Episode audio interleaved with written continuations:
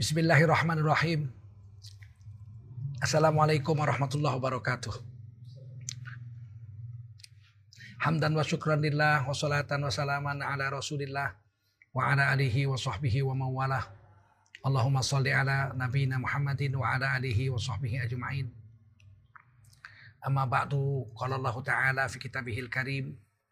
A'udzu billahi minasy syaithanir rajim. Bismillahirrahmanirrahim. Walitukmilul iddata walitukabbirullaha ala ma hadakum wa la'allakum tashkurun.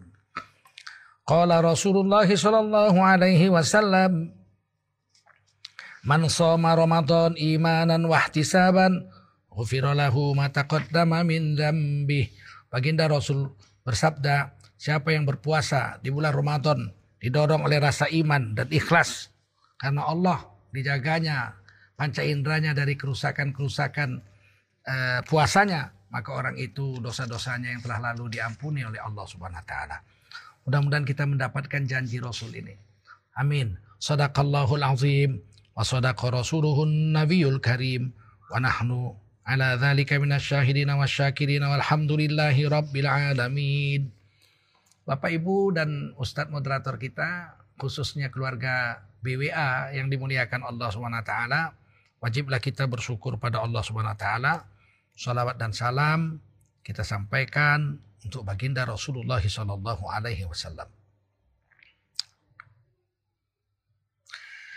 Kemenangan di dalam Islam itu adalah sejauh mana kita mentaati Allah SWT dan Rasulnya.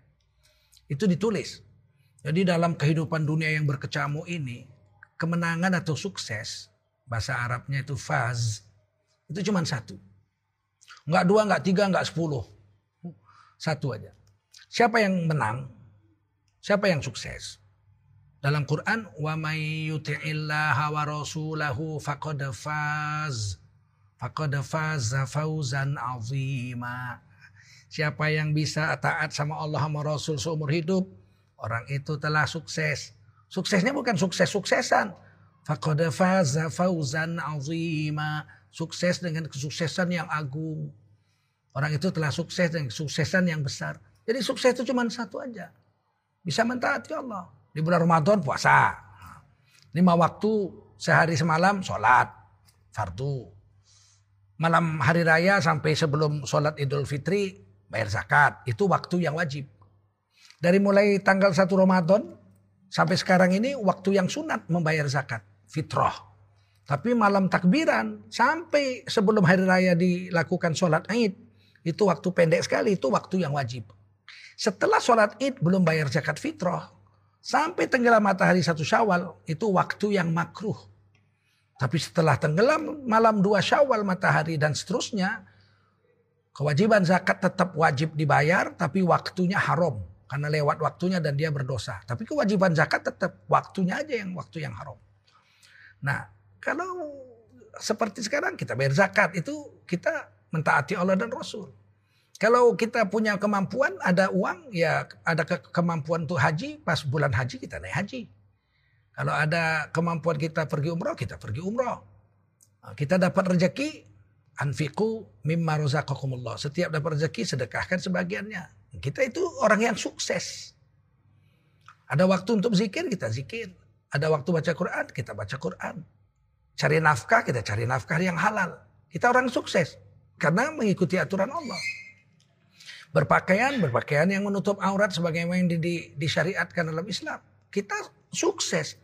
Dengan berpakaian itu kita fakot faza fauzan azimah. Dengan makan yang halal toyiban kita menang. Gara-gara makan bisa masuk surga kan hebat. Kalau nah, kalau gara-gara sholat masuk surga wajar. Gara-gara puasa masuk surga wajar. Gara-gara haji, zakat masuk surga wajar. Lah gara-gara makan masuk surga. Karena makan yang dimakannya itu makan yang halal lagi baik. Masuk surga gara-gara makan. Tidur. Tidurnya cara Rasulullah. Amu. Tutup aurat dengan baik. Baca Quran beberapa mampu. Nah. Gara-gara tidur masuk surga kan hebat. Yang hebatnya, yang paling hebat itu sukses gara-gara masuk WC. Nah, gara-gara buang air besar masuk surga kan dahsyat itu.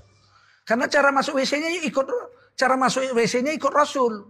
Langkahkan kaki kiri dapat satu hasanah sepuluh pahala. Baca doa sebelum masuk Allahumma ini a'udzubika minal khubthi wal khabith wal khaba'ith dapat dua hasanah dua puluh pahala. Jongkok waktu buang air kecil dapat tiga hasanah tiga puluh pahala. Istibro berdaham-daham empat hasanah dibayar empat puluh pahala. Kemudian istinja Nah, istinja cuci dengan air dapat lima hasanah lima puluh pahala. Kemudian tutup aurat enam hasanah enam puluh pahala. Kemudian keluar dari uh, eh, WC itu langkahkan kaki kanan dapat tujuh hasanah tujuh puluh pahala. Setelah keluar baca doa alhamdulillahilladzi azhaba anil afani dapat puluh pahala. Tutup kepalanya waktu masuk WC itu pakai tutup kepala. Dia dapat sembilan hasanah sembilan puluh pahala. enam puluh tahun tiga kali sehari. Jangan-jangan dia masuk surga gara-gara WC. Nah, kalau orang masuk surga gara-gara WC kan dahsyat sekali itu orang. Kamu masuk surga kenapa? Ya, karena saya masuk WC ikut Rasulullah. Kan oh, hebat, hebat sekali. Siapa yang bilang itu? Allah yang bilang faqad faza fauzan azima. Wa may yuti'illaha wa rasulahu faqad faza fauzan azima. Siapa taat sama Allah sama Rasul dia telah sukses dengan kesuksesan yang agung, telah menang dengan kemenangan yang besar. Hari ini di bulan Ramadan ini kita mau ambil kesuksesan di bulan Ramadan. Yang pertama orang yang sukses di bulan Ramadan adalah orang yang selama sebulan penuh itu mendapat taufik, dipilih Allah. Jadi memang dipilih. Banyak orang yang kuat badannya nggak puasa, nggak Allah pilih, durhaka sama Allah Allah buang. Berilmu dia, tahu dia kalau ditanya apa hukumnya puasa, wajib. Pakai kol-kolah lagi bilang wajibnya wajib. Ha, kamu puasa? Enggak. Ah, coba, dia tahu puasa itu wajib, tapi dia nggak puasa. Nggak dapat hidayah dari Allah, nggak dipilih, nggak dipilih, nggak diberi taufik. Tetapi ada orang yang lemah. Saya termasuk orang yang lemah kalau puasa. Nggak perkasa saya kalau bulan puasa. Habis asar begini, masa-masa kritis bagi saya. Tapi saya tetap puasa aja. Dari umur 6 tahun saya puasa aja. Kadang saya nangis juga itu ya Allah. Sampaikan kekuatan aku untuk puasa ya Allah. Tinggal satu dua hari lagi. Ya dengan segala kelemahannya jalan terus gitu. Ada yang kuat memang gak Allah pilih. Memang dia pun gak mau. Padahal dia tahu kalau ditanya apa hukumnya puasa wajib.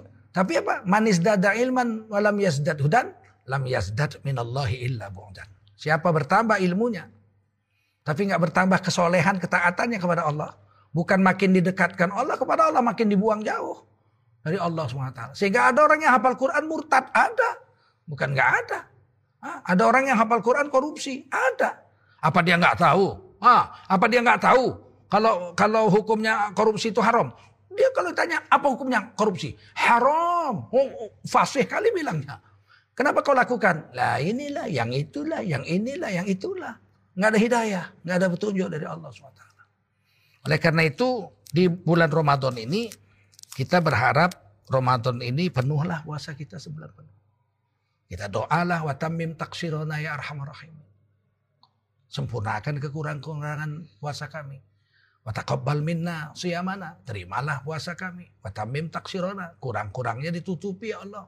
Disempurnakanlah ya Allah dengan keperkasaanmu dan keagunganmu dan kasih sayangmu. Nah itu. Sehingga di malam Ramadan besok itu ada janji Rasulullah. Pada malam bulan Ramadan Allah ampuni sejuta orang. Pada akhir Ramadan seluruh hari pertama sampai hari ke-30 digabung semua sebanyak itu diampuni. Mudah-mudahan kita masuk situ. Oleh karena itu, nah, oleh karena itulah di malam bulan Ramadan Allah khusus memerintahkan kita untuk memuja Allah bertakbir. Walitukmilul iddata. Nah, engkau hendaklah engkau sempurnakan puasamu satu bulan penuh.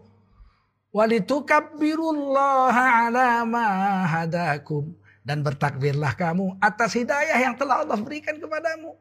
Wala'allakum tashkurun. Mudah-mudahan kamu termasuk orang yang bersyukur. Jadi bulan Ramadan ini, malam takbiran itu kita buat. Walaupun malam ini kita kena COVID-19.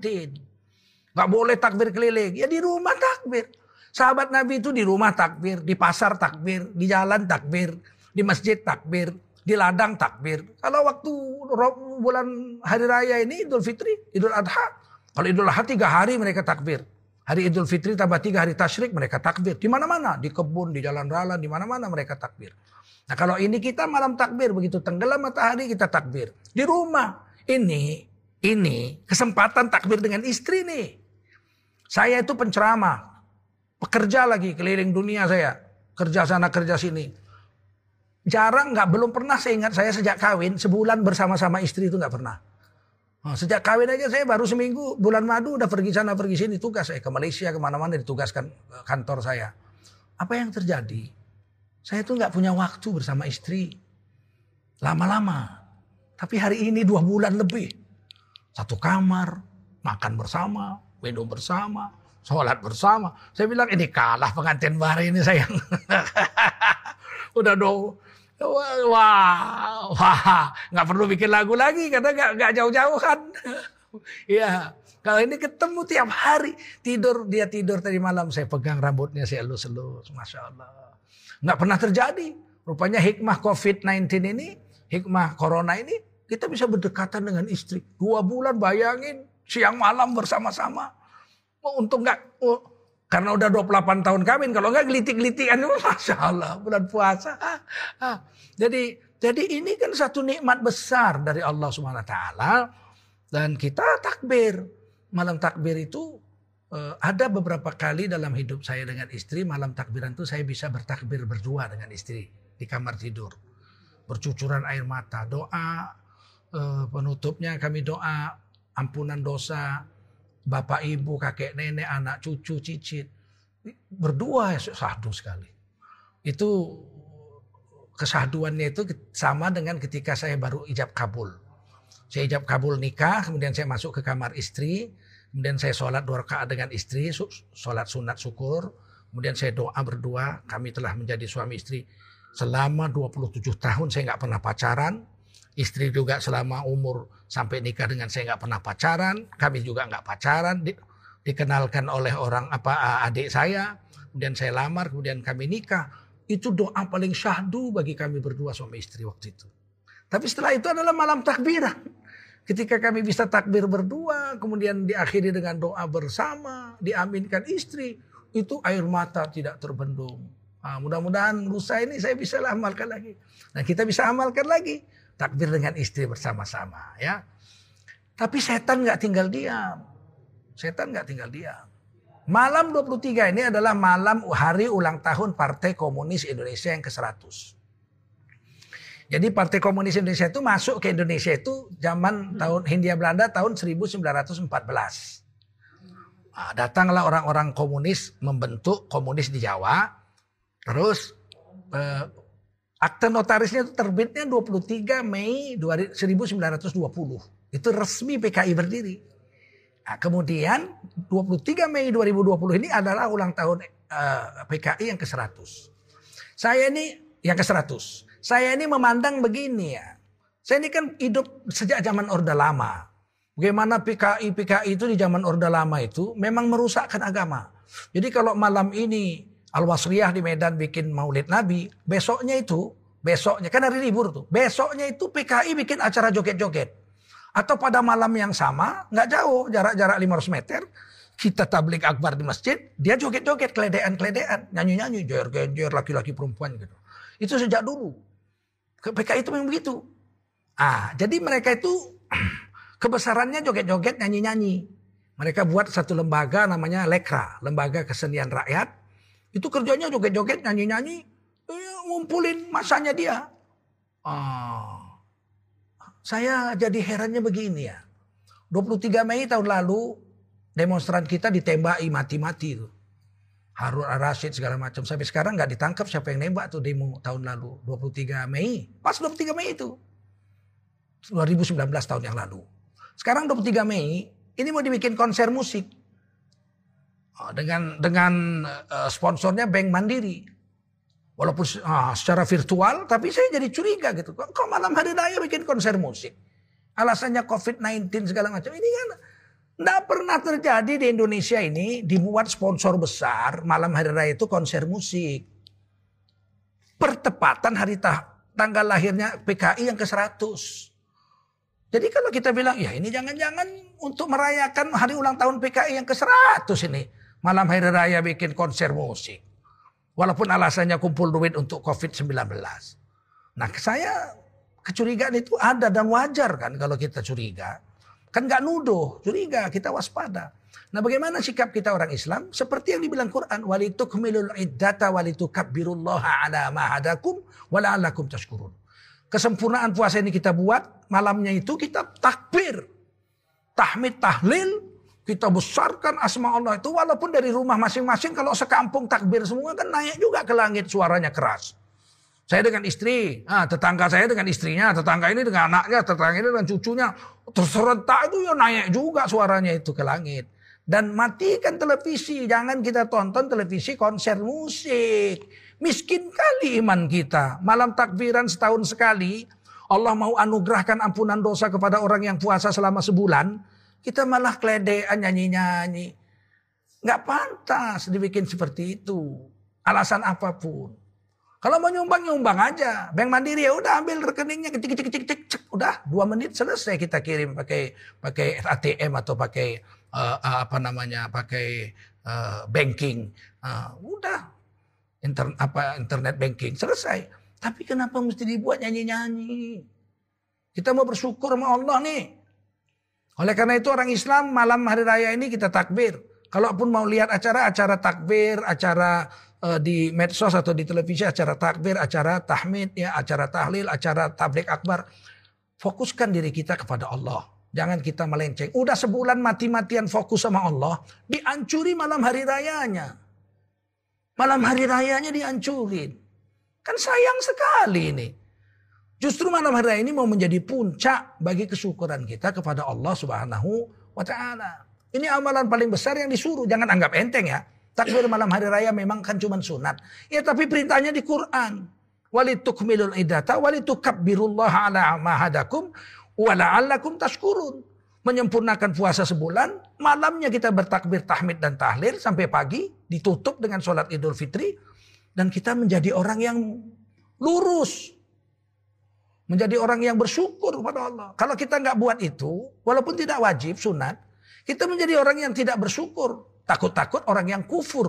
Na'udzubillah min zalik. Nah ini yang kita perlu jaga di malam lebaran. Kemudian yang ketiga, tentu kita membayar zakat. Bayar zakat ini sebaiknya langsung kepada mustahak. Yaitu orang-orang yang berhak, ya, orang-orang yang mustahik. Misalnya apa? Kita kasih uh, tetangga, kerabat, family, kita berikan. Karena di Indonesia bayarnya makanan pokoknya beras, Beras nggak bisa dimakan kalau nggak dimasak.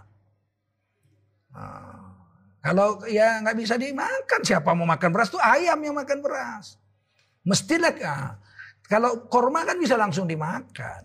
Terus bagaimana supaya bisa dimakan? Ya berilah lauknya, belilah uang masaknya untuk beli gasnya. Maka kita itu dalam Islam tidak pernah ada amalan wajib saja itu nggak ada. Wajib itu pasti disertai yang sunat. Jadi kita bawa lah ini kalau di Sumatera kan 2,7 kg. Satu mutnya itu munjung. Kalau Jawa kan di kayak peres, di peres pakai bambu, cret gitu. Kalau di Jawa 2,5, kalau di Sumatera 2,7. Bawa berasnya, ini beras saya. Wajib nih. Nah, terima zakat saya. Ini duitnya. Beri duitnya. 30 ribu kah, 20 ribu kah. Berasnya wajib, zakat. Duitnya itu sunnah, tatawu. Faman tatawa khairan fahuwa khairul lahu. Siapa memberikan tatawu lebih dari yang wajib, itu lebih baik baginya. Kenapa mesti pakai duit, Pak? Bagaimana mau makan beras kalau nggak dimasak pakai gas, nggak dibelikan ikan asin, paling nggak atau telur. Oleh karena itulah ada yang wajib, ada yang sunat. Sholat aja ada yang wajib, ada yang sunat. Sholat zuhur ada kobliyahnya, ada bakliyahnya. Ya kan? Uh, sol, uh, rukun sholat ada baca fatihah, ada uh, baca uh, tahiyat akhir ini yang wajib, yang rukun. Tapi kan ada subhanallah rabbiyal azim, sami Allah liman hamidah, sholat baca surat, baca fatihah wajib, baca suratnya sunat. Kan nggak mungkin sholat itu hanya baca fatihah dengan tahiyat akhir aja. Kan nggak puas hati kita. Nah kalau kita bayar zakat cuma yang wajib saja, hati kita itu harusnya nggak puas. Hari ini orang Islam ini 2,7 kilo aja berhitungnya bukan main. Setahun sekalinya. Loh, saya udah ngasih zakat 27 ya syukur. Masuk masuk pakai duit-duit lagi. Loh, setahun sekali. Dan ini amal dahsyat karena cuma terjadi setahun sekali.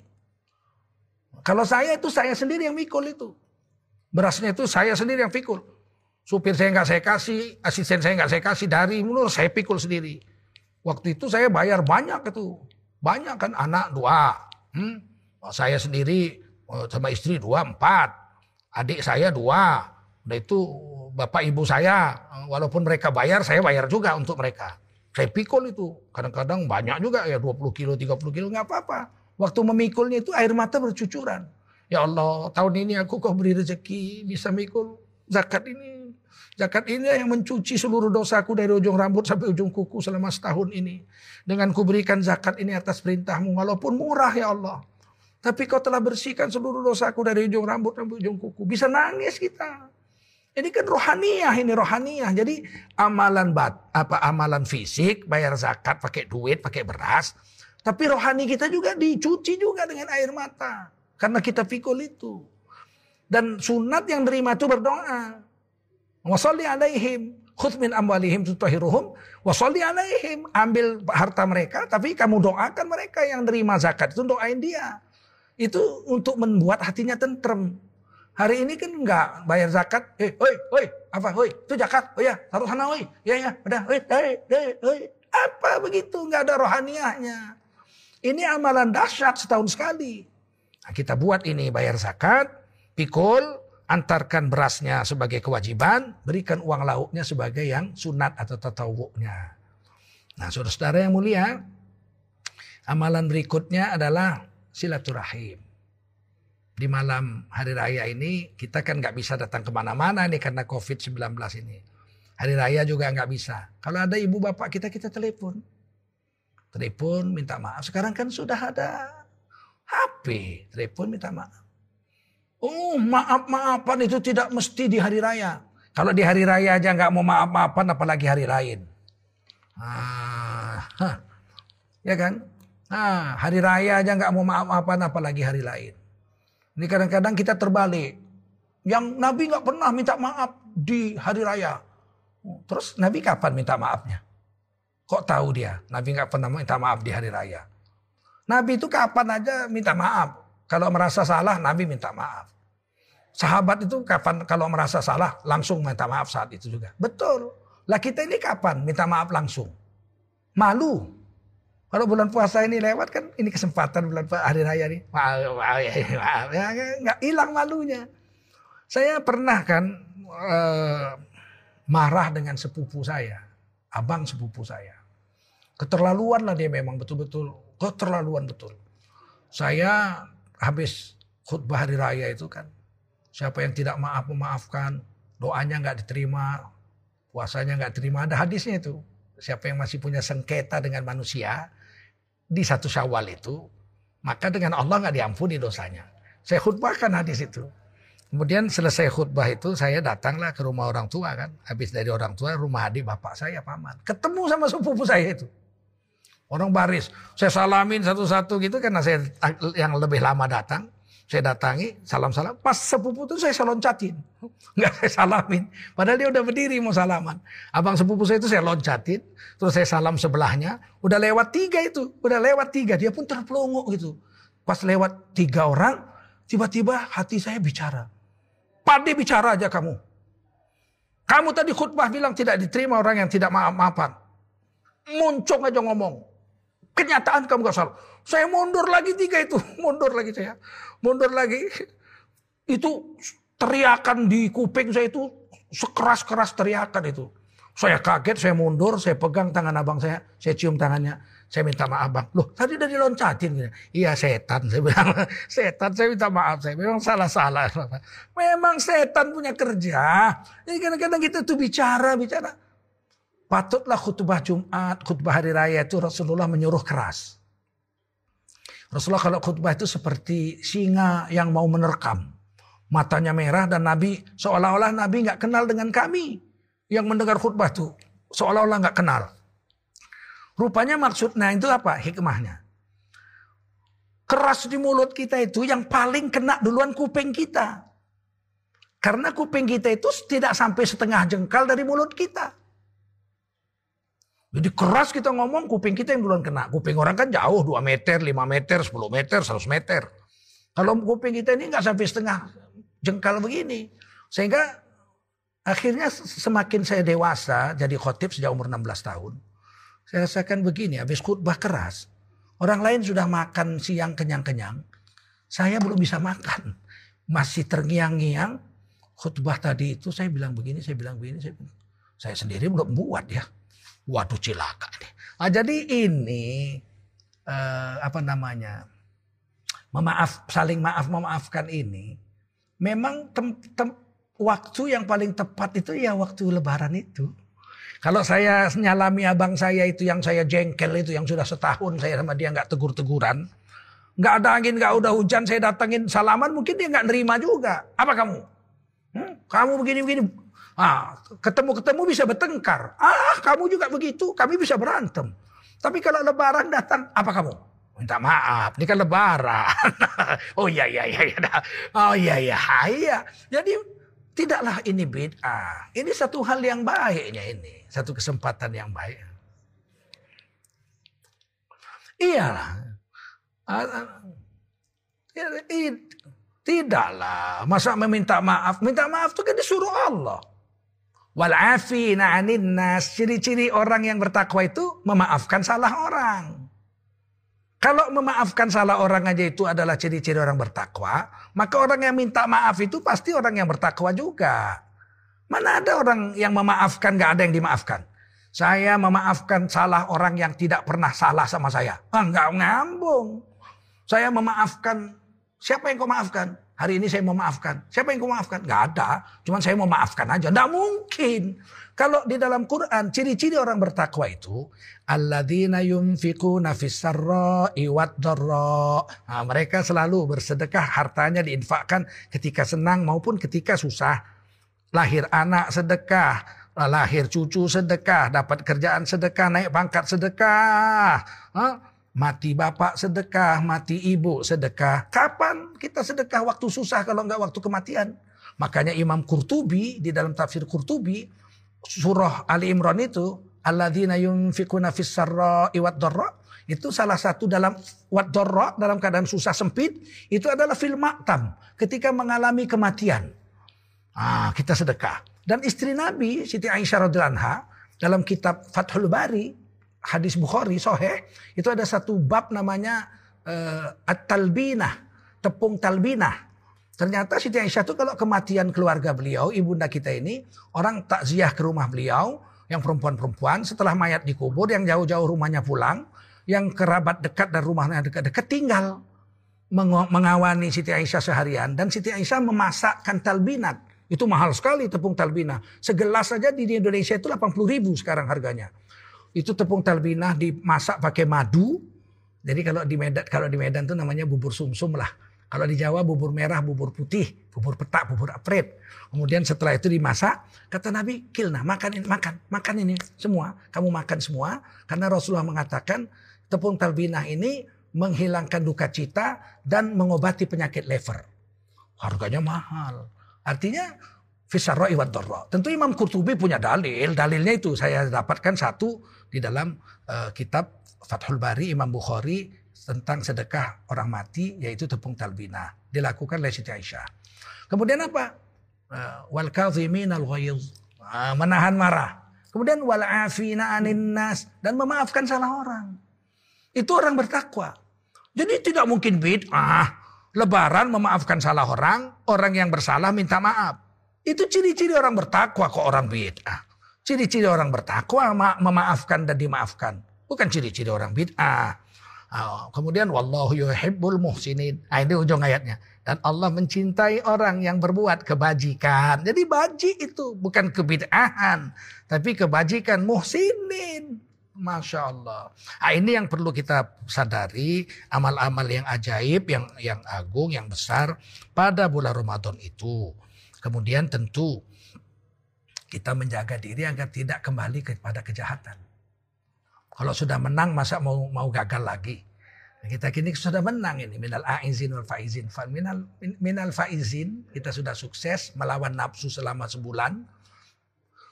Suksesnya ini begini kenapa orang puasa itu dibilang sukses. Sampai dibilang minal aizin wal faizin. Karena yang kita tahan di bulan Ramadan ini yang halal. Bukan menahan yang haram. Puasa ini kan bukan mengharamkan makan babi. Kalau babi nggak usah puasa juga haram. Orang puasa diharamkan makan daging anjing. Ah, Ah, nggak usah puasa juga anjing haram. Orang puasa dilarang tidur dengan istri orang. Ah, nggak usah puasa juga itu orang haram.